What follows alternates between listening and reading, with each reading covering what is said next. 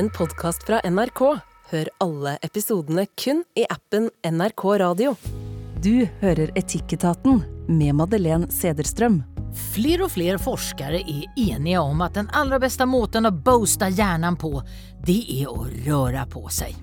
Men det skader sikkert ikke å fundere litt på livets mysterier og dilemmaer også. Og så er det visst veldig bra å være social, så hvis du nå gjør litt fysisk aktivitet så skal du få det andre fra oss, både selskap og grubblerier. Velkommen til Etikettaten. I dag i panelet influenser Morten Rulleskau, filosofisk praktiker Lina Holteleik og mattelærer og villmarking Hanan Abdelraham. Jeg heter Madeleine Cederström. Først og fremst et spørsmål til panelet. Kunne du tenke deg å arve et kongerike? Morten? Ja. Kong Morten. Kong Morten, ja. Det klinger bra i mine ører. Det hadde vært fint. Ja, ja, ja. Ja. Hanan? Ja, jeg tror jeg er for feig for det. Jeg sier nei. jeg. Nei. Det blir, Hvorfor for feg? Mye mas. Det er masse mas. Lina? Nei, absolutt ikke. Tror ikke jeg passer så godt inn i den rollen. Ja, det kan sikkert være fristende å arve, men hva hvis du altså arver et kongerike? For de kongelige arver jo ikke bare en tittel, de arver en del plikter og rettigheter som ingen annen har. Det er exempel et uttalt krav om at de skal være kristne, i alle fall her i Norge og i England. Et annet, kanskje litt uuttalt, men likevel helt påtagelig krav, det er jo at de skal gifte seg, helst kirkelig. De har heller ikke samme ytringsfriheter som andre, og de kan selvfølgelig gi fra seg sin arverett. Men de utsettes fra de er bitte små barn for et enormt press. Lina, først og fremst filosofisk praktiker, har de kongelige grunnleggende menneskerettigheter? Ja, jeg tenker at mennesket er eh, født med en eh, frihet, en påtvungen frihet, om vi vil eller ikke, til å mm, skape vårt eh, eget liv. Så selv om du er født inn i, inn i altså med en eller annen fordel eller en last, så er det jo opp til deg hva du gjør med den. Du kan, eh, du kan bryte ut av de pliktene. Du kan, du kan la være å gjøre jobben. Du kan abdisere. Og det er det jo folk som har gjort, og da blir de kjempeimpopulære. Ja, så må man leve med det. Det er jo konsekvenser av den friheten. Den, den, med den friheten som medfølger et ansvar. Morten? Alle er jo født inn i et eller annet, og alle kjenner seg vel igjen og har hatt en eller annen forventning. Altså, Jeg husker jeg er fra Østfold. jeg. Pappa elsker å kjøre motocross og bil og alt mulig. Jeg fikk først to døtre som ikke var interessert i det. Så fikk hun meg da, som endelig som skulle bli glad i å kjøre motorsykkel. og Husker han tok med meg og vi laga en crosser og henta noen deler på fyllinga og styret og ordna. Kjørte to turer. Og så sto pappa så stolt og så på meg, så kom jeg sånn der og sa sånn eh, Spurte om jeg måtte kjøre mer, da, for jeg syntes det var så kjedelig. Og han ble så skuffa. Så skuffa jeg faren min. Hadde hans store forventning om å få en sønn som likte å skru og mekke. Den, eh, den, eh, ja, nei. Alle har vel hatt en forventning en gang i livet hvor de bare måtte Ja, Det er vel hakket verre å arve et ja jeg ser den, Ja. men uh, jeg bare uansett jeg, Nei, altså, ja. Hannan? Det bør være fritt valg på en måte hva vi ønsker å prioritere i livet. da, Om vi ønsker å eh, komme i en ramme og tilfredsstille forventningene fra omgivelsene, eller om vi prioriterer vår egen frihet. Men det Også- det- men det er jo veldig ja. vanskelig valg, da. Det måste ju, alltså det, det är ju några konsekvenser mm. her. For Lina, det, det er veldig mange mennesker som stoler på en auktoritet som en konge. Ja, vi ønsker oss noe stort og eh, eh, faderlig overordnet som vi kan idealisere og, og beundre. Og som og hvordan, altså ikke sant, den, Som en slags sånn foreldreinstans, eller fars, farsinstans. Um, Eller mor, for de kan ju en dronning også. ja, eller, eller mor, da. Uh, ja. Vi, vi beundrer dem, og vi ser opp til, dem, opp til dem, og vi trenger det. Vi trenger det evige og uforanderlige, da, som, eh, som uh, kongehuset er. eh, som vi kan idealisere. Men hvordan det er for dem, det tror, jeg ikke, det tror jeg ikke vi tenker så mye på. Trenger, trenger vi kongehuset? Jeg spør du meg, så nei, det trenger vi absolutt Nei, ikke. vi gjør ikke Prøv deg på det. Hannan, trenger vi eh, kongehuset? Eh, sånn som det er i Norge, jeg har ikke noe problem, fordi det er jo bra image, på en måte. Det er gode ambassadører da, for eh, de norske folka, og vi har jo Stortinget da, som på en måte gjør den viktige executive-jobben, på en måte. Så akkurat som vi har det i Norge, hvordan de opptrer og hvordan de fremstår, da, så har jeg ikke noe problem, altså verken ja eller nei egentlig, jeg er veldig nøytral til den saken, slik at ikke noen plutselig tenker nei, men Hanan vil ha kongehus. Men eh, jeg syns vår kongefamilie i Norge er veldig flotte og gode ambassadører. Tenk om det ikke har vært det. Jeg, jo, er jo jeg er helt enig, kongefamilien fremstår bra. Og, uh, men tenk om hun, Hvem er det som arver nå? Er hun dere Ingrid Alexander hun heter? Ja. Hun er hyggelig, jeg må presisere det. Det kunne vært en drittskjæring. Eller så mener. At- Unnskyld. Nei, det kan jeg ikke si. Jo, det, Ja, ja. Du kan si Ja, det. men- kunne det Ja. kunne vært. en som ingen så bare, Ja, du skjønner. Jeg vet ikke akkurat hva skulle gjort, men det kunne vært en vi mislikte.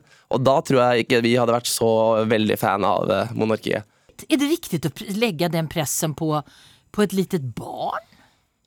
Eh, kan jeg bare si Ja. noe? Eh, apropos eksempel når hennes bursdag ble feira og sånn. Alle skriverier som kom om henne. Bare tenk, en ung jente, da. Det kom så masse skriverier, og hun gjorde ditt og gjorde datt. Det må være helvete for henne, egentlig.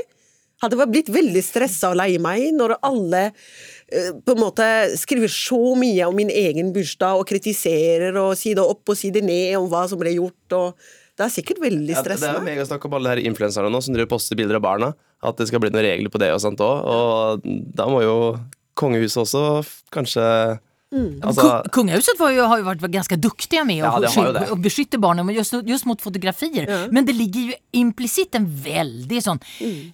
du ska bli dronningen da, dag lille venn. Eh, og du har visst, du har fri vilja, du kan få lov å velge å ikke bli dronning. Men er det virkelig realitet? Er det virkelig fri vilja? Hva sier du, Lina? Nei, altså, jeg, jeg tenkte bare på det du sa. Hvis, eh, hvis eh, kongen eller dronningen hadde vært en eh, bitch, da. Du sa det ikke, men jeg så at du bevegde på leppene Ja, der. jeg jeg tenkte på, liksom, jeg, tror, jeg tror Platon ville tenkt at ja, det går helt fint å ha monarkiet hvis kongen til enhver tid, eller dronningen, da, er den klokeste i samfunnet, hvis det er en person som er gjennomreflektert, aller helst en filosof, eh, eh, og, og som, eh, som vet hva som er folkets beste, og, da er det etisk forsvarlig å ha et, et monarki. Nå, det er som du sier at eh, Ingrid Alexandra er en flott dame og veldig klok, eh, så da er det greit, ville Platon sagt, tror jeg. Men det her er jo ikke bare man er jo som sagt ikke bare et kongerike. Det, det her er jo faktisk till et spørsmål om eh, som odel. Eh, Morten, hva, hva, hva, tenker du der? Er Är odel okej? Jeg, jeg, altså, er, skal, du, skal du sutre over at du får en hel gård servert på sølvfat? Du kan jo si nei, ja. Og, du altså, Men du har sju, 700 år har, har slekten bott på denne gården. ja, okay. Og du är den som bryter rekken. Ja, det, det synes jeg bare Jeg liker å skille meg ut, jeg. Så det har gått helt fint. Men Hanna, du kommer fra en kultur der det her er ja. kjempeviktig. Mm, Ja. I min kultur i Sør-Egypt eksempel, vi har kanskje to eller tre store familier da, som styrer alle gårdene og sånn. Og det forventes at barna skal føre familienes tradisjon, da. Og de skal gifte seg fra hverandre, og de skal gifte seg taktisk for å gjøre gårdene større. Ikke sant? Så det er ganske komplisert og veldig stygt også. Og det kan bli- bli nesten krig mellom disse familiene hvis de tråkker over hverandres eiendom og gårder. og og gifter seg feil? og gifter seg feil, kanskje det er ikke lov å bli forelsket i hvem som helst, eller gifte seg med hvilken som helst jente man er glad i, og sånn. Fordi man skal på en måte prioritere familiens tradisjoner og føre den arven videre, da. Du hører jo at det ikke er sånn det skal være. Så på en måte så dømmer vi de kongelige barnen, vi dømmer dem til å uh, ta några helt enorma konsekvenser hvis de bryter ut. Det är det vi dömer dem till. Ja, i hvert fall hvis jeg skal snakke om eh, den kulturen da, vi snakket om i stad, at uh, hvis man uh, er freidig da, kommer ut av det systemet, da blir du ekskludert av familien, du på en måte ingen som vil hilse på deg eller ha med deg å gjøre. Dessverre. Så even om, even om vi antagelig skulle behandle kongelige utbrytere lite bedre enn hva man behandler behandlar eh, de her utbryterne i Egypt så er det ganske store konsekvenser å bryte ut. Bryte ut har alltid store konsekvenser. Er det så ille? Hadde dere reagert så kraftig om Ingrid Alexander ikke hadde ville det, liksom? Altså For de som på en måte er født inn i, sånn som han han sier, da. Altså, det har konsekvenser. Der skjønner jeg det. Det er noe annet. Ja, jo, men det har jo konsekvenser for Ingrid Alexandra også. Hun gjør jo ikke noe galt. Altså, ja. Men det er et ansvar hun ikke tar. Og da må hun ta konsekvensene av det. ja, det skjønner jeg. Men jeg, jeg tror ikke de konsekvensene er så veldig store. Det er noen som stirrer litt stygt på det, men det, det må man drite i. Kan ikke bli som om alle andre mener. Men eh, kan jeg spørre dere, ja. siden jeg er Ja. utlending og dere Ja. er nordmenn, eh, eh, er det litt mer liberal i norsk kongehus i forhold til andre kongehus i verden, eller? Ja, det tror jeg. Ja, det tror jeg òg, ass. Vi er jo litt Ja. mer liberale generelt på, på ganske mye. Er det som England, for eksempel? Nei, jeg tror, Nei. jeg tror Norge er mye mer liberalt. Ja, for han der uh, prinsen. Ja. Prins Harry Ja. Meg og Meghan Markle. Ja, som flytta til hans Nå vet jeg ikke om Her er det mye drama, da, men han flytta til USA med dama si og brøt Hun ville ikke Han sa fra seg prinstittelen og alt mulig. Og han sier jo selv at uh, han er blitt fryst ut av familien. Han, han sier i hvert fall det, da. Kongefamilien sier kanskje noe annet, men uh, det har blitt masse oppstyr. Så jeg tror ikke det skal lenger enn ditt før det begynner å bli litt mer Nei. større konsekvenser. Som menneske jeg tenker jeg følge hjertet og gjøre det man syns sjøl er riktig. Altså. Er, vi, har, vi lever et liv, altså. Ja, Jeg, jeg føler at Livet mitt ble ganske mye bedre etter jeg stoppa å høre på alt mamma og pappa sa. For å si det sånn, altså Å gjøre det jeg selv vil. Og bare det mamma og pappa ville så veldig gjerne. Spesielt fordi jeg havna i rullestol. De ville sånn, ha passe på at jeg bodde i nærheten av de og holdt meg i Østfold, liksom. Og, det var, og det, for meg så var det litt sånn eh, Jeg følte jeg skuffa det litt når jeg flytta til Oslo. Det burde de bare se, men de, de trodde det beste for meg var å være i Østfold, så de kunne passe på meg og hjelpe meg. Eh, jeg brøyt ut, og livet mitt er bare tusen ganger bedre. Jeg brøyt jo ikke ut, da. Men du skjønner, altså, man får det bedre med seg selv hvis du gjør det du har lyst til å gjøre, da, uten tvil, enn å please alle andre. I panelet idag er influenser Morten Rulleskau, filosofisk praktiker Lina Holte Leik og mattelærer og villmarking Hanan Abdel Raham. Amanda har skrevet in til oss. Hei, Madde! Jag var med i en jentegäng som ikke var særlig hyggelig mot en av jentene i klassen. Vi kalte henne stygge ting, vi helte melk i skolesekken hennes og hun fikk aldri være sammen med oss efter skolan. Vi inviterte henne på bursdager, men vi sa ofte høyt at vi håpet at hun ikke ville komme. Hun inviterte en gang, og da gikk vi ikke. Hun og familien flyttet til femte klasse. Nå er jeg 30 år og har mann og barn, og vi har just kjøpt en hytte. Og i påsken så møtte jeg henne plutselig på parkeringsplatsen ved hytta vår. Hun kjente meg igjen og hilste, og jeg klarte ikke å gjøre noe annet enn å hilse tilbake og si noe om det fine været. Men i eftertid så strev jeg veldig med om jeg skulle ha tatt kontakt med henne og bedt om unnskyldning. Men hun husker kanskje ikke det her en gang. Må jeg ta det opp? Hva om jeg gjør ting bare verre for henne? Mannen min sier at jeg var bare et barn, og at det er slikt barn gjør, og at hun kanskje ikke ens husker det. Ja. Lina, skal vi først ta en liten runde på forskjellen mellom skyld og skam? Ja. Jeg tenker at, eh, at det å ha en, en kunne bære skyld um, Det er et adelsmerke. Det er um, Det er, kan være tungt og vanskelig. Og det Jeg tror kanskje man må uh, dypere ned i seg selv for å kunne kjenne ordentlig skyld, enn en å bare skamme seg over det man har gjort, som kanskje kan uh, ses som noe mer forfengelig enn uh, en skyldfølelsen. Morten, tror du at den kvinnen som har blitt utsatt for mobbing, husker hun det? Ja, det vil jeg tro.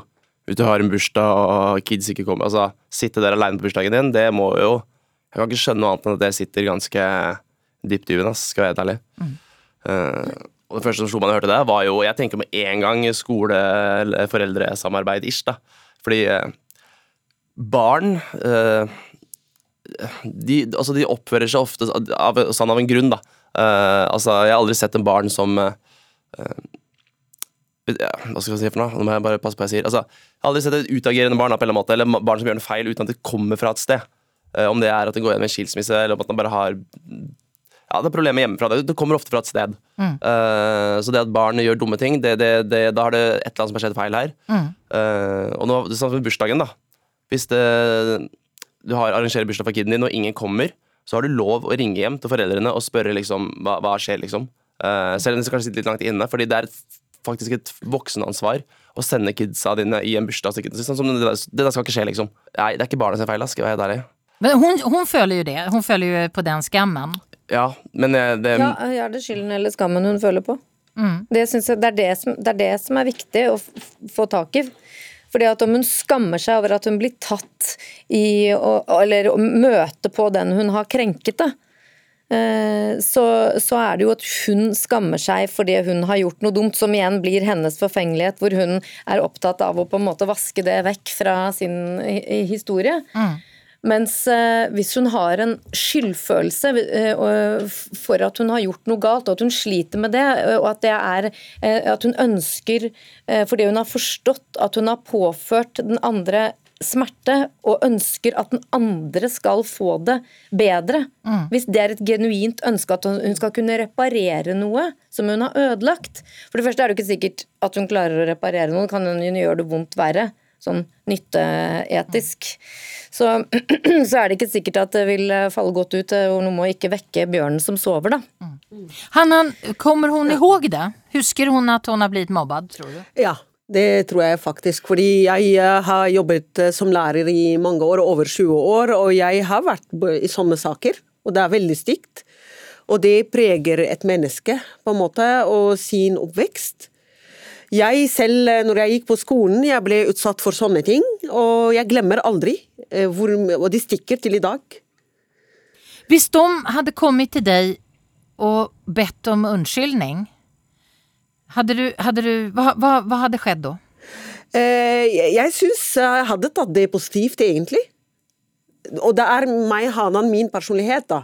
Eh, og det er det jeg egentlig ønsket å innlede med, at jeg, eh, hvis hun har genuint ønske da, om å reparere og virkelig eh, ikke bare for sin egen forfengelighet, da, som du sier, Lina, og virkelig er genuin interessert i å reparere, da syns hun hun skal gjøre det, og jeg roser henne for det, og jeg blir nesten stolt av henne, da, at hun tør å gjøre det, da.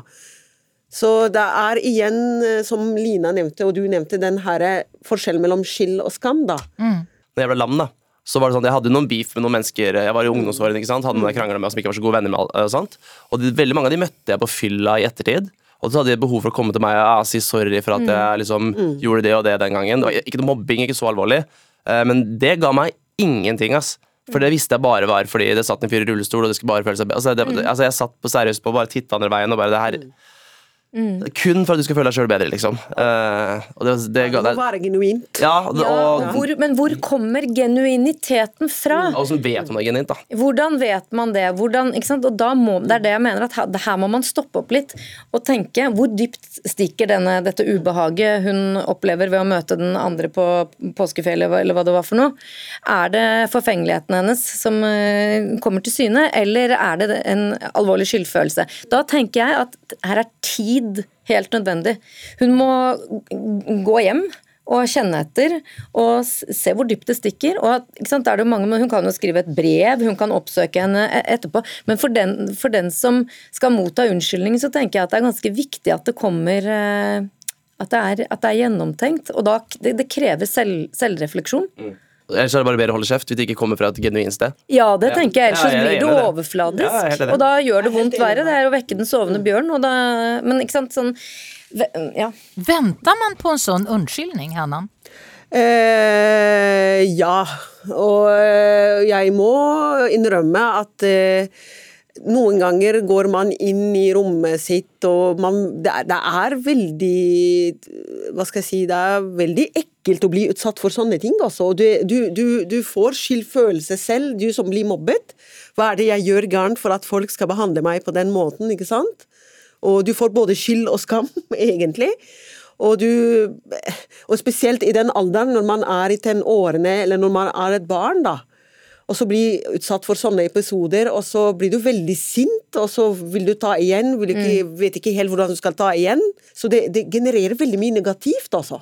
Men da venter man da hele, i, i hela sitt voksne liv på at man skal få den unnskyldningen? At noen skal komme og si unnskyld? man, man glemmer jo eh, Jeg sier ikke at man glemmer, men på, på en måte man eh, overlever da, den følelsen og prøver å overleve med, leve med den. da. Men eh, det blir aldri borte, på en måte. Altså Sånne episoder hvis man blir utsatt for sånne ting i sin barndom, da, av folk kanskje man beundrer, eller man ser opp til, eller de kule jentene ikke sant, som man så helst eh, henger med og sånn. Eh, så ja, det For min del det, Jeg hadde likt at noen sa unnskyld, ja. Mm. Morten, på hvilken måte skulle de ha bedt om unnskyldning på for at du skulle tykke at det hjelpte? Ikke være drita full, i hvert fall. Det var stort sett da det kom fram. Uh, hang over meg og den der kompispraten. Jeg tror bare man, altså, Det første som du sier, det må faktisk være genuint. Du, må- du, må, altså, du må se at de at De må først gå inn i seg selv og vite at de, eh, ja, de, her, de har en skyldfølelse og lyst til å si unnskyld. Face to face er jo det beste, da, sånn egentlig, helt ærlig. Så man kan se at det oppriktig er genuint. Og at du gidder å ta det bryet med å møte personen og, og si det. Ja, Send en tekstmelding, liksom, det, da bryr du deg ikke så mye. Det er jo veldig eh, viktig også at den, hvis, hvis man har bestemt seg for å be om unnskyldning, da, at man er villig til å ta konsekvensen av det. Det kan jo hende at, den, at hun som ber om unnskyldning, da eh, møter på en person som bare sier 'dra til helvete'. Vil ikke sant? Sånn at man må tåle det som kommer. Eh, og det er jo derfor det er vanskelig å be om unnskyldning. For man, det er greit å si unnskyld, men man orker egentlig ikke den responsen man får. Og så lurer jeg litt på, hvis da hun som har blivit mobbad, hvis hun faktisk da sier nei, jeg tar ikke imot din unnskyldning, overfører man litt grann skam til henne da? Tenk, jeg fikk en unnskyldning, men jeg aksepterte den ikke. Jeg tenker nei. Nej. Ja, fordi eh, det, det er hennes rett da, å akseptere det eller ikke.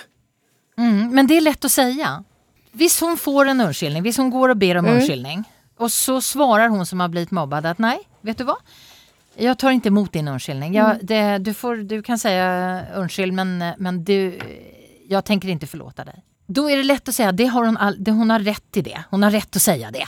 Men det, det är lätt att säga i, i, eh, i teorin, men i praktiken så føler man kanske att man måste unnskylde. Morten, du, eh, hvis noen hadde kommet til deg så här äkta och bett om unnskyldning, Mm.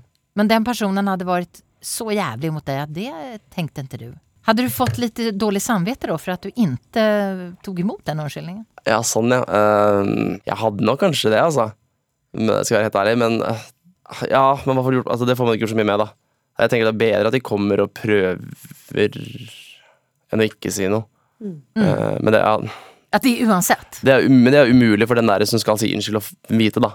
Altså, skal han sitte og begynne å reflektere over om den andre kommer til å få skam av at du sier unnskyld, da begynner det å bli litt sånn uh, mange hva for noe? Mange ledd her, eller mange mye å ta hensyn til. Eller, altså, du kan ikke spørre sånn Du, unnskyld, hvis jeg sier unnskyld til deg nå for det jeg har gjort. Får du dårlig samvittighet? for det? Altså, det, det funker jo ikke. Nei, derfor jo- er det jo et vågeskytt stykke ja. å be om unnskyldning. for det man kan risikere å bli Altså ikke bli tatt imot. Og da blir man jo um, ydmyket tilbake, da. Altså det, er jo den, det er jo en god anledning for uh, den som er skade, skadelidd, å, hevne seg. Og det, Så den risikoen må man jo ta. Så hva sier vi til eh, Amanda? Eh, gå til henne og, och, och be om ursäkt, men gjør det når du har tenkt efter riktigt ordentligt, eller noe sånt der, va? Eller? Ja, Vær genuint, komme fra hjertet. Og får du et uh, fuck you tilbake, så må du bare god, godta det. Og så må du bare lære dine kids å gå i bursdag og ikke være eh, ta, ta litt, snakk, ta, ta, Snakke litt med dine barn da om eh, det, hvilke konsekvenser det kan ha for andre, liksom. Tenker jeg da. Bare ta det som en lærdom og bli et bedre menneske av det. Hanna? Eh, Jeg er helt enig med Morten. Altså bedre å gjøre det og handle riktig da, ut fra det man, sin egen samvittighet og gjøre det man syns er riktig. Koste hva det koster, syns jeg. Lina? Jeg, jeg er litt i tvil om man skal eh, be om unnskyldning. For som sagt så er det å vekke den bjørnen som sover, kanskje ikke en god idé. Altså, du kan rus, rus, hva ruske opp i ting, eh, og, og kanskje vekke gamle minner som hun har prøvd å glemme. Eller at hun ikke orker å bli minnet på det. Sånn at min, altså hvis det er eh, for din, egen vinning, syns jeg absolutt ikke man skal be om unnskyldning. Og hvis man eh, sånn at det skal, det skal mye til, da, tenker jeg. Um, kanskje hun måtte begynne å omgås med henne litt grann først. Kanskje hun hon må bjude in henne på kaffe og ikke prate om det. Eller?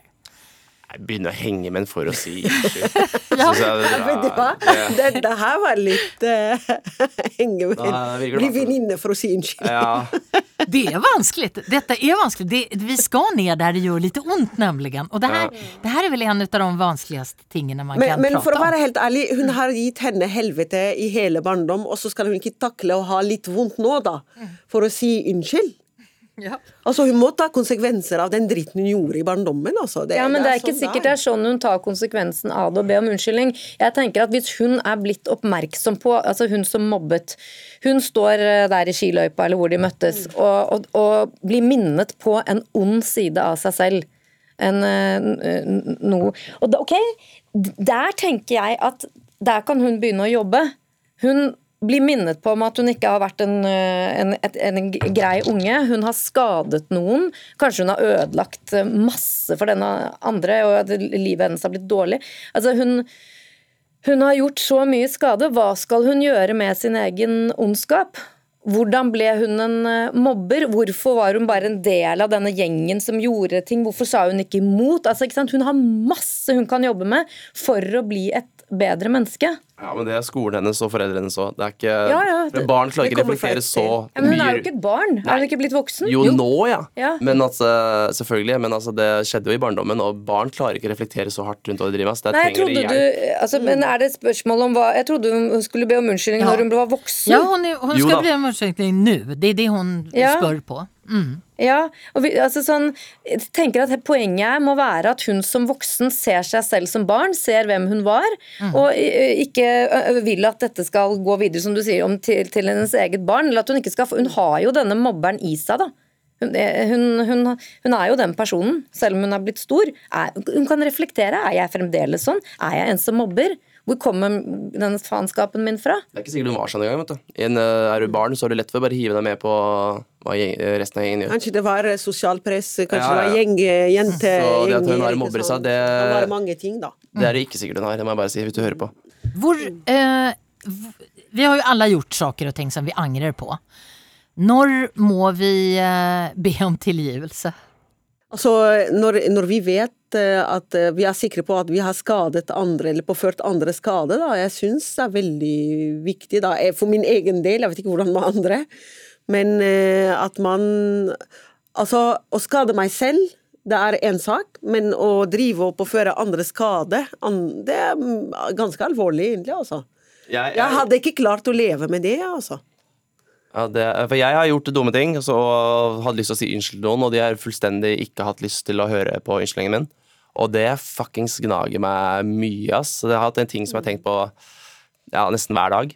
Uh, og så har jeg Men så, altså, det, du får ikke så mye av det heller, da. Du må jo Du sier at du kan ikke leve med deg sjøl, du må jo dessverre det, da.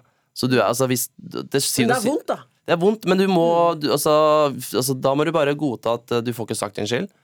Og det er vanskelig, ass, for å være helt ærlig. Og da Det der å bære det greiene der Men, åh, men det går rundt og gnager på det. Det hjelper jo altså, det, det, Da graver du deg sjøl ned, da. Til, s- til sist. Altså, ja, du vet deg sjøl, som du sier. da Jeg har gått inn i meg sjøl og vet at jeg gjorde noe dumt, og angrer på det. da Eh, sånn, og ekte. Eh, men jeg får Ja, da må du bare legge det bak deg. ass. Altså Og så syns jeg hun skal være litt stolt av seg sjøl, at hun faktisk eh, har den samvittigheten og den viljen da, til å reparere og gjøre det bedre. Det er jo i seg selv et bra eller veldig stort steg, da. Churchill sa en gang at uh, det vanskeligste som fins, det er å endre samfunnet. Uh, men det fins en sak som er enda verre, og det er, og enda vanskeligere, det er å forandre min fru. Men allra, allra vanskeligst det er å forandre meg selv. Ja. Eh, vet du hva, i islam faktisk, eh, vi har sånn noe som profeten sa, da, at eh, at hvis man klarer på en måte å være herre over seg sjøl, så har man vunnet alt, på en måte.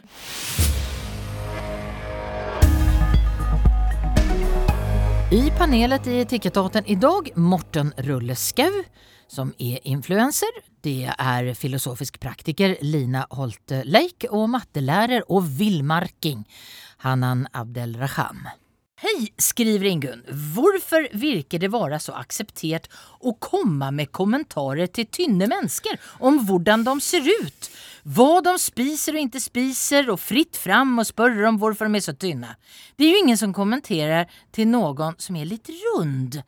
Men det å si til noen som er tynn, f.eks. 'nå må du slutte med alt det der grønnfòret, du er så mager, skrapa, skrantete', ja, det er visst ok. Er det ok å kommentere at noen er tynn? Jeg tror helt det handler litt om sjalusi, fordi liksom, eh, sånn, idealet i samfunnet er jo å være tynn. Så jeg tror på en Hvis de ber en tynn person legge på seg. Så er det litt sånn sjalusi bak Du det. mener misunnelse? Ja, misunnelse. Ja, men misunnelse og litt sånn, litt sånn satt på spissen, da. Så, du- så det det är å att, til tynne mennesker till tynne det er ikke ok, men jeg tror folk bare tror det er ok, fordi de det er en fordekt kompliment, på noe sett? Ja, eller? det tror jeg også.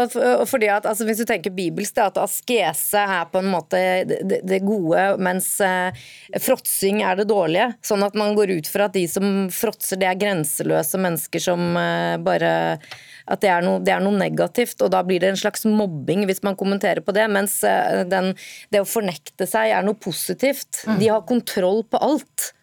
Eh, og da, da er det, det er helt greit å si til noen som har styr på det meste, at uh, altså, ja, pirke på det, da. Skei ut litt, liksom. Ja, mm, ja ikke sant? Mm, absolutt. Hva, hva, tenker du?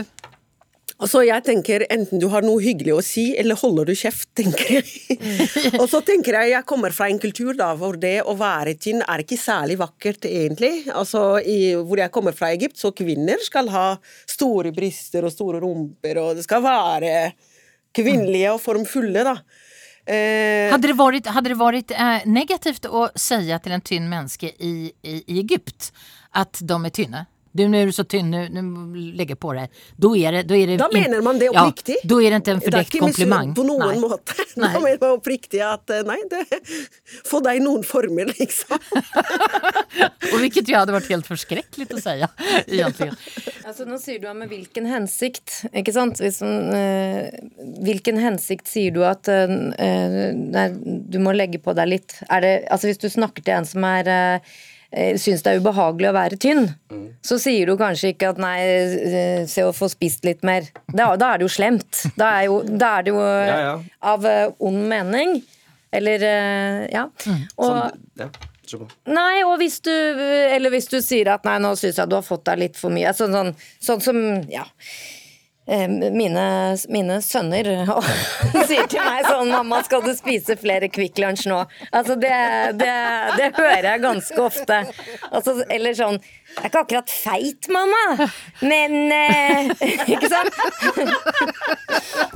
Det var dagens. Eh, da er det, go- da er det godlynt. Ja. Men hvis noen sier, sier at eh, jeg syns du skal prøve å spise litt mindre, det ser ut som du kommer litt ut, nå går det litt gæren vei her, så er jo ikke det noe hyggelig ment. Så det kommer jo an på med hvilken intensjon man sier det. Ja, og hvem som sier det. føler Og hvem som sier det, ja. Mm. Og så er det kulturelt betinget, da. Det må vi ikke glemme. At det kommer an på også hvilken kultur vi er i, da. Ja, Jeg och vilken tidsålder! Och vilken tid. Else Kåss Furuseth hon har ju sagt att hennes, hennes kropp den passade kämpefint på 1600-talet. Där, där kan jag vara enig med henne. Jag, jag hade gärna levat på 1600-talet jag med. Ja, det tror jeg det er mange kvinner som hadde passet fint i et annet århundre. Så. Men, men å andra sidan är jag väldigt glad för alla rättigheterna vi kvinnor har fått sedan 1600-talet. Så tack så mycket för det. Og plikter. Ja, så jag vill, inte, jag vill inte tillbaka till 1600-talet, bara så det är klart.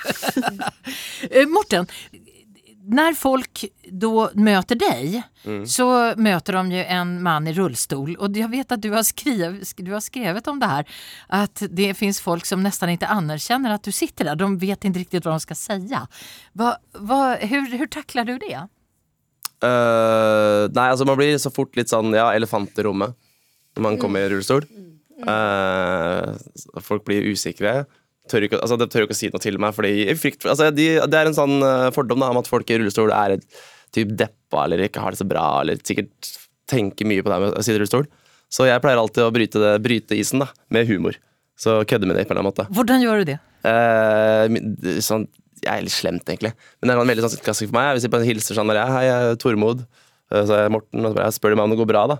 Da kan jeg bare sånn, bare sånn da, kan jeg bare begynne sånn der gå, gå bra, hva faen mener du med det? Jeg kan jo ikke gå noen ting, og ja, var det et jævlig pikken min funker ikke, altså jeg kan dra den liksom. Og, og, det, og, de, og det, noen av dem blir helt sånn sykt satt ut Og så drar, piner jeg det ikke så lenge da, sånn tre sekunder kanskje Før jeg bare, jeg kødda, går dritbra liksom. Og da blir de så utrolig letta Og ser det liksom at uh, Ja, da slipper de da, de skjønner at de kan si hva de vil Og være seg, snakke med meg som alle andre egentlig. Så det er sånn, ja, bryte isen med humor. Det gjør jeg mye Men jeg syns at det, at det fokuset på kroppen er altså blitt helt Det har sprengt alle grenser, er blitt helt perverst. Hvorfor kan det ikke være fokus på, på det som er inne istedenfor det som er utenpå, for å si det enkelt? Vi får, Det er vi mye må mer en- interessant. Vi må endre samfunnet. Ja. ja. Ja, ja, ja. Hanna, Ja. får jeg lov å dra inn deg i dette? Du går med hijab. Ja. ja. Vill du at folk skal kommentere det? Jeg vil helst at folk skal mind their own business, selvfølgelig. Men folk kommenterer jo. Det er uunngåelig, fordi det er jo ganske synlig, da. Men jeg gjør ikke det for å show off, egentlig, eller vise noe som helst. Jeg gjør det bare for meg sjæl, egentlig. Men folk på sett og vis eh, kommenterer og er veldig interesserte, da, hvorfor jeg gjør sånn. Og jeg, jeg forklarer dem, men det er på sett og vis eh, et personlig valg, og veldig privat valg, da.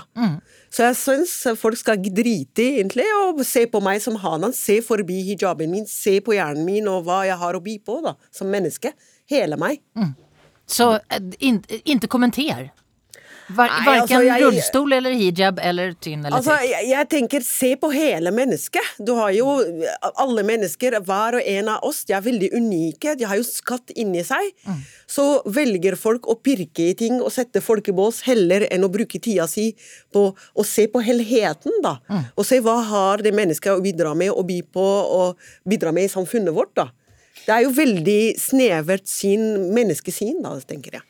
Ja, men kroppen, sånn som vi ser ut, det, det sier jo noe kanskje om det som foregår inn, inni. Og jeg tenker alltid, hvis jeg ser altså, store, stormagede menn, eksempel, så- så tenker jeg og der er det, det, det er, der er det mye å by, by på. Det er raust.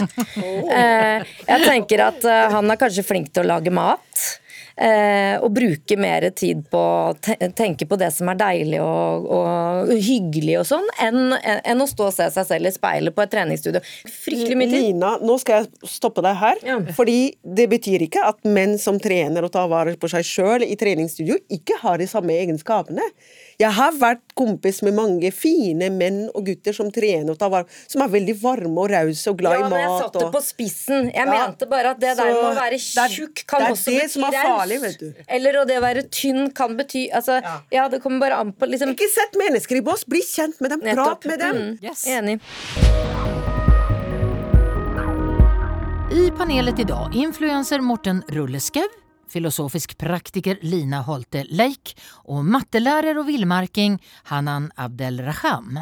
Jag heter Madeleine Cederström. En dag så satt jag på ett café och då kommer det en dam med telefon på högtalare och i en samtale. Hon sätter sig ner på kafén och fortsätter samtalen. På högtalare och vad är greja? Spör Anita. Vad är det här för någonting? Med att prata på högtalare höjt på telefonen så alla andra hör. Kära panel, eh, Hanna, har, har du gjort det? Gör du det? Jeg, hørte, jeg har gjort det en gang i mitt liv, og jeg fikk traumatisk opple- opplevelse. Er jo det som sitter fortsatt i kroppen i Norge. Hva gjorde du? Og det skjedde i stille vogn i toget. Ja. Åh, det her var traumatisk, ass. Fordi det som skjedde, jeg visste ikke om at det fantes noe som heter stillevogn i Norge, i toget. I, hvor jeg kommer fra, så kan man bare bable i vei og snakke høyt og le høyt og ikke sant. Og. Men i stille vogner så gikk jeg inn og prata høyt i telefonen og sånn. Og så begynte jeg å se at det er mange som ser stygt på meg. Og så var det en dame, en eldre dame, som sa hysj. Og, det, og jeg, jeg husker siste gang jeg ble hysja på jeg var, når jeg var tre år gammel, liksom. Og dette her skjedde som 40-årig, på en måte. Så jeg følte meg som en liten dritt, ikke sant. Voksenkjeft det er det verste som er. Eh, Og så måtte jeg bare Hva skjer? Så var det en som pekte da på det her skiltet, at det er stillevogn. Å ja! Å ja! Så jeg følte meg jeg måtte bare gå ut, og jeg holdt på, nesten på å grine. Eh, Morten, prater du høyt i telefonen eh, med høyttaler på? Nei, jeg eh, sender tekstmeldinger, jeg. Hvis det, jeg har telefonskrekk. Det er uh, ikke noe glad i å snakke telefon i det hele tatt. Lina, har du, har du gjort det noen gang? Eh, ja.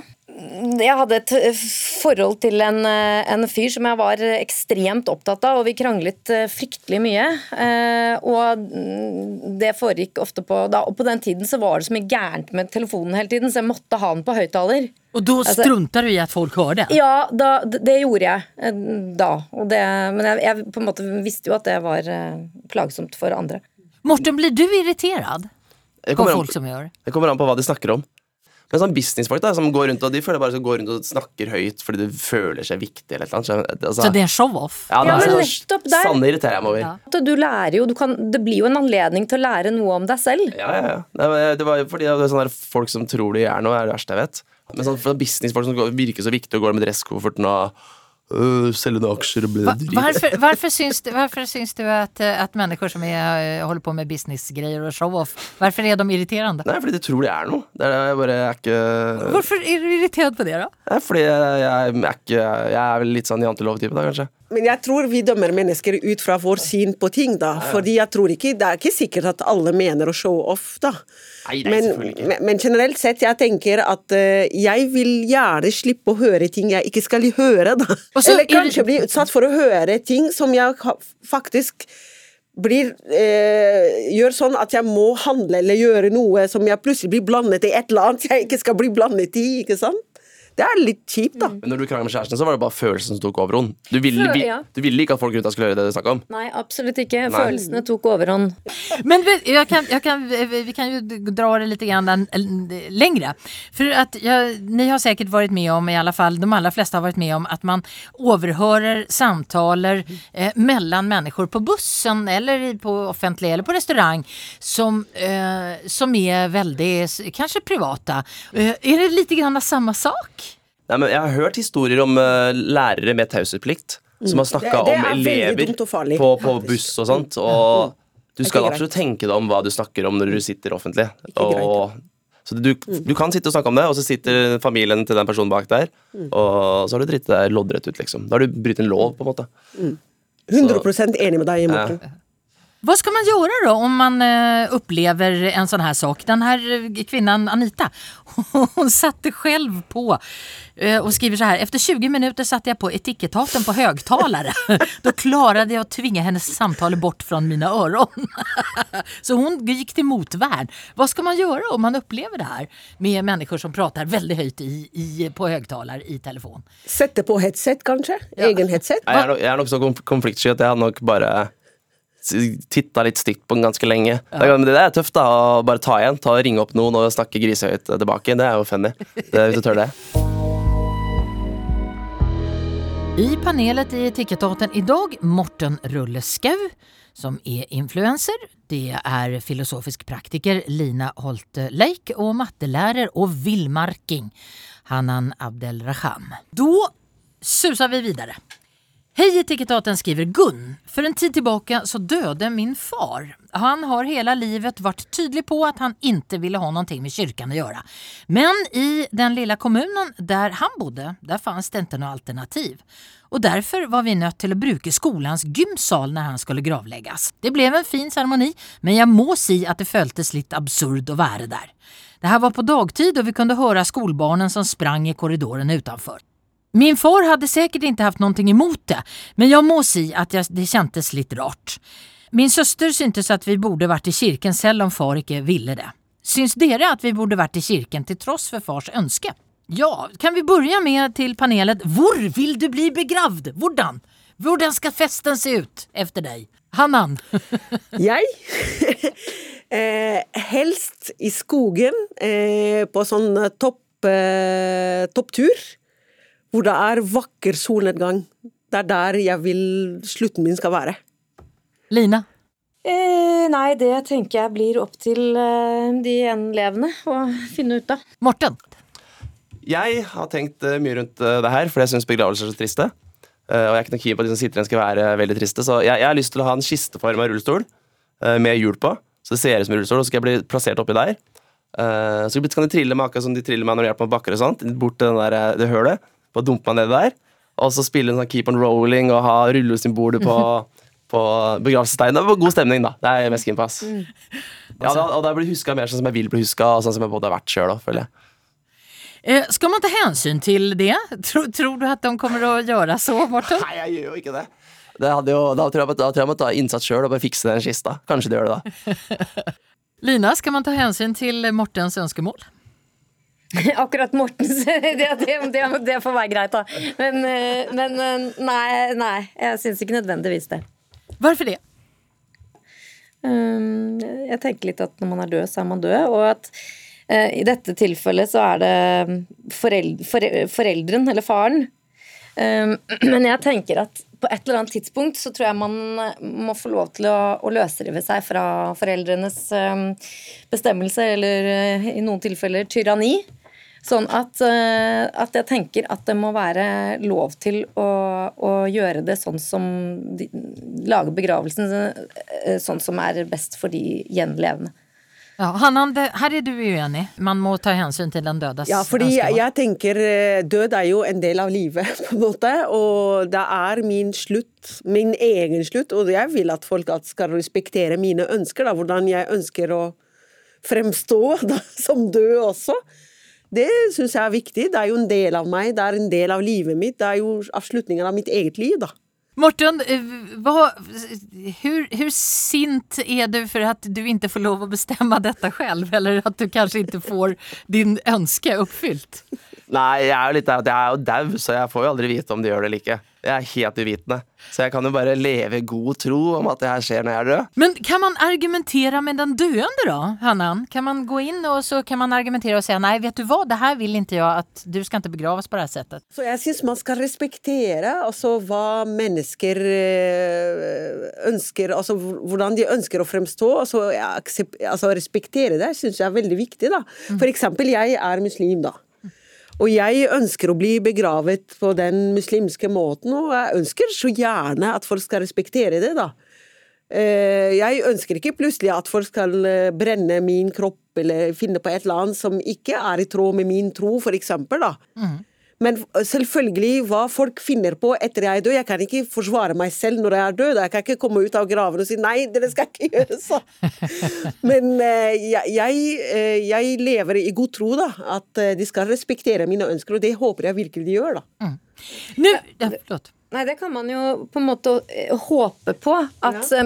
ens ønsker blir respektert. Men det er jo ikke Jeg tenker litt i hvert fall at det er diskutabelt om det derre Skal man, bør man, må man eh, respektere en som er død. Hvis du har et elendig forhold til den som døde, og, og hadde, hadde et eller annet ønske om en spesiell begravelse, og du egentlig tenker bare det er samme for meg, så tenker jeg at da må man få lov til å eh, si drit og dra. Dette, det, blir som, det blir som jeg vil. Jo, men altså, sånn, det er jo ikke noe må, må, Man kan ha et ønske om å bli respektert, men det er jo ikke noen sånn eh, nødvendigvis sikkert at man får det som man vil, da. Ja, til... Men er ikke det litt eh, uetisk og litt misbruk hvis du får et ønske da, om at jeg skal bli begravd på den måten, og så bare gjør du som du vil? Det er litt uetisk, da. Pliktetisk er det jo helt forferdelig. Det er altså en krenkelse av menneskeverdet. Som, ja, da, men, eh, men du kan jo si altså, nytteetisk, så vil det kunne oppfattes på en helt annen måte. Så, eller dydsetisk. Det kommer an på hvilket perspektiv man snakker ut fra. Morten, eh, du står faktisk i en sånn her situasjon ganske akkurat nå. Vil du fortelle om det, eller? Nei, bare bestemor mi er dau. Det var på søndag. Det er ikke det at vi har noe et, hun, Det blir vel kirka, det. Vi har ikke, men jeg har ikke noe ja, Det er ikke det at hun hadde noe ønsker, men ja, hun, det, og det går bra. Hun er eldgammel og har levd et nydelig liv, bare så det er sagt. Eh, Men du, så, du, du fortalte at ni, eh, ni funderte på om ni skulle synge i kyrkan. ja, at det ble fort uh, fra, spøk, eller fra alvor til spøk, da, det må jeg si. Vi satt og fant ut hvem Det var liksom, minnet litt. Det var litt rart, for liksom det, det har ikke vært lenge siden jeg har vært borti noe død, egentlig. Uh, så vi kom hjem til mamma. Jeg forventa vel litt tristere stemning enn hva det var. Da vi drev sånn, fant sanger vi skulle synge, og så var det sånn, ja, hvem skal synge den sangen? Og så begynte vi å kødde med. Det var ingen som kan synge, da. Herregud, hadde noen av oss begynt å synge, så hadde bestemor sikkert skrudd av høreapparatet der hun lå, og snu seg i grava. Det, og det, var, og litt, det var litt rart, det der med at uh, levde et helt liv, og nå er hun ferdig, og livet går videre for de andre, liksom. Det, Gun skriver jo at, då at det her er eh, en eh, hon, hon kände på uverdigheten att vara i gymsalen fordi de, mm. inte var, de, de kunde inte vara i kyrkan för det ville inte pappa. Eh, Det, det känns ju lite konstigt och kanske att vara i gymsalen. Hur, hur hade du sett på det, Annan? Altså, Du vet hvor stygt det er i gymsal på skole, da, Morten? Ja, det er ikke? Det er jo barn herjer og klatrer på de eh, greiene og hopper trampoliner og sånn. Det er ikke noe verdig, det. nei. Det er Men- litt eh, tråkig, liksom. Jeg ser, jeg ser begge sider her, men igjen, personen er død, og han Og det er, det er jo noe for gøy og moro. Man har kanskje forestillinger, barn herjer. Det er ikke noe man gjør for noe høytidelig sånn. Det, det, det, är ju, det är ju väldigt rart att, att det finns massor med ställen runt omkring där det bara är gymsalen som Ja, står som alternativ. Kunne ikke det vært et hus, kommunehus, et eller annet sånn ordentlig og redelig, da? Men han, jeg skjønner ikke et problem med den. Altså, han fikk jo bilen sin, han ville ikke være i kirka. Nei. Og det, så han bør jo være Nei, jeg syns jeg løste det bra, jeg. Helt ærlig. Altså, han ville ikke være i kirka. Han øh, kanskje ikke han ville være i gymsalen heller, men uh... Hannan, har du noen løsning på problemet? Altså, jeg syns uh, man kunne strekket, eh, strukket deg litt, litt mer, da, og funnet kanskje litt mer pent sted. Eh, sikkert et eller annet samfunn Altså et annet som er litt penere enn sted som man bare Det er jo mangel på, på seremonier Ja, omkring altså för att säga det så. hvorfor kan kanskje funnet et eller annet sånn litt mer høytidig, da? Sånn penere. Rett og slett penere. Estetisk penere. Vi får, eh, vi får sända det vidare. Eh, hvordan är det som lärare då, då, hvis det föregår en begravelse i gymsalen? Ja, tenk på det! Tør barna ha gymme i det rommet igjen? Det vet jeg ikke om. Hva tenker du, Morten? Nei, det har ikke vært borte. Altså, barna syns sikkert det har vært veldig spesielt, det må jeg si. Men øh, Med død like inne i gymsalen. jeg begynner å kødde med at det spøker der og alt mulig. Det er vanskelig å ta farvel, og det er vanskelig å lage en verdig avslutning. Og det, det, det, dette eksempelet her er jo en, no, en som ønsker å respektere sin fars ønske på alle mulige måter. Jeg tenker at Hun må bare, altså hun må jo være kjempefornøyd med seg selv. Hun har vært kjempegrei og prøvd på alle måter å gjøre det så godt som mulig for han, og det er vel, det, det, er vel godt nok, tenker jeg. Men det er jo ikke alle som har det så lite ambivalent, da. Eh, og da skulle jeg ønske at det var noen bedre ordninger for dem. Så da, kjære lytter, hoppas jeg at du har fått rørt litt på de små grå sammen med oss. Og vil du gjerne trimme sammen med oss med akkurat ditt dilemma, så skriv til etikettaten krøllalfa nrk.no. Og har du en venn eller en slektning som snakker veldig høyt på mobilen med høyttaler, så tips dem om denne episoden. Den og mange, mange flere finner du på appen NRK Radio. Tusen takk til panelet Morten Rulleskau, Lina Holte Leik og Hanan Abdel Raham. De som til daglig jobber med Etikettaten heter Hege Strømsnes, Hanne Næss Tremon og jeg heter Madeleine Cederström. Du har hørt en podkast fra NRK. Hør alle episodene kun i appen NRK Radio.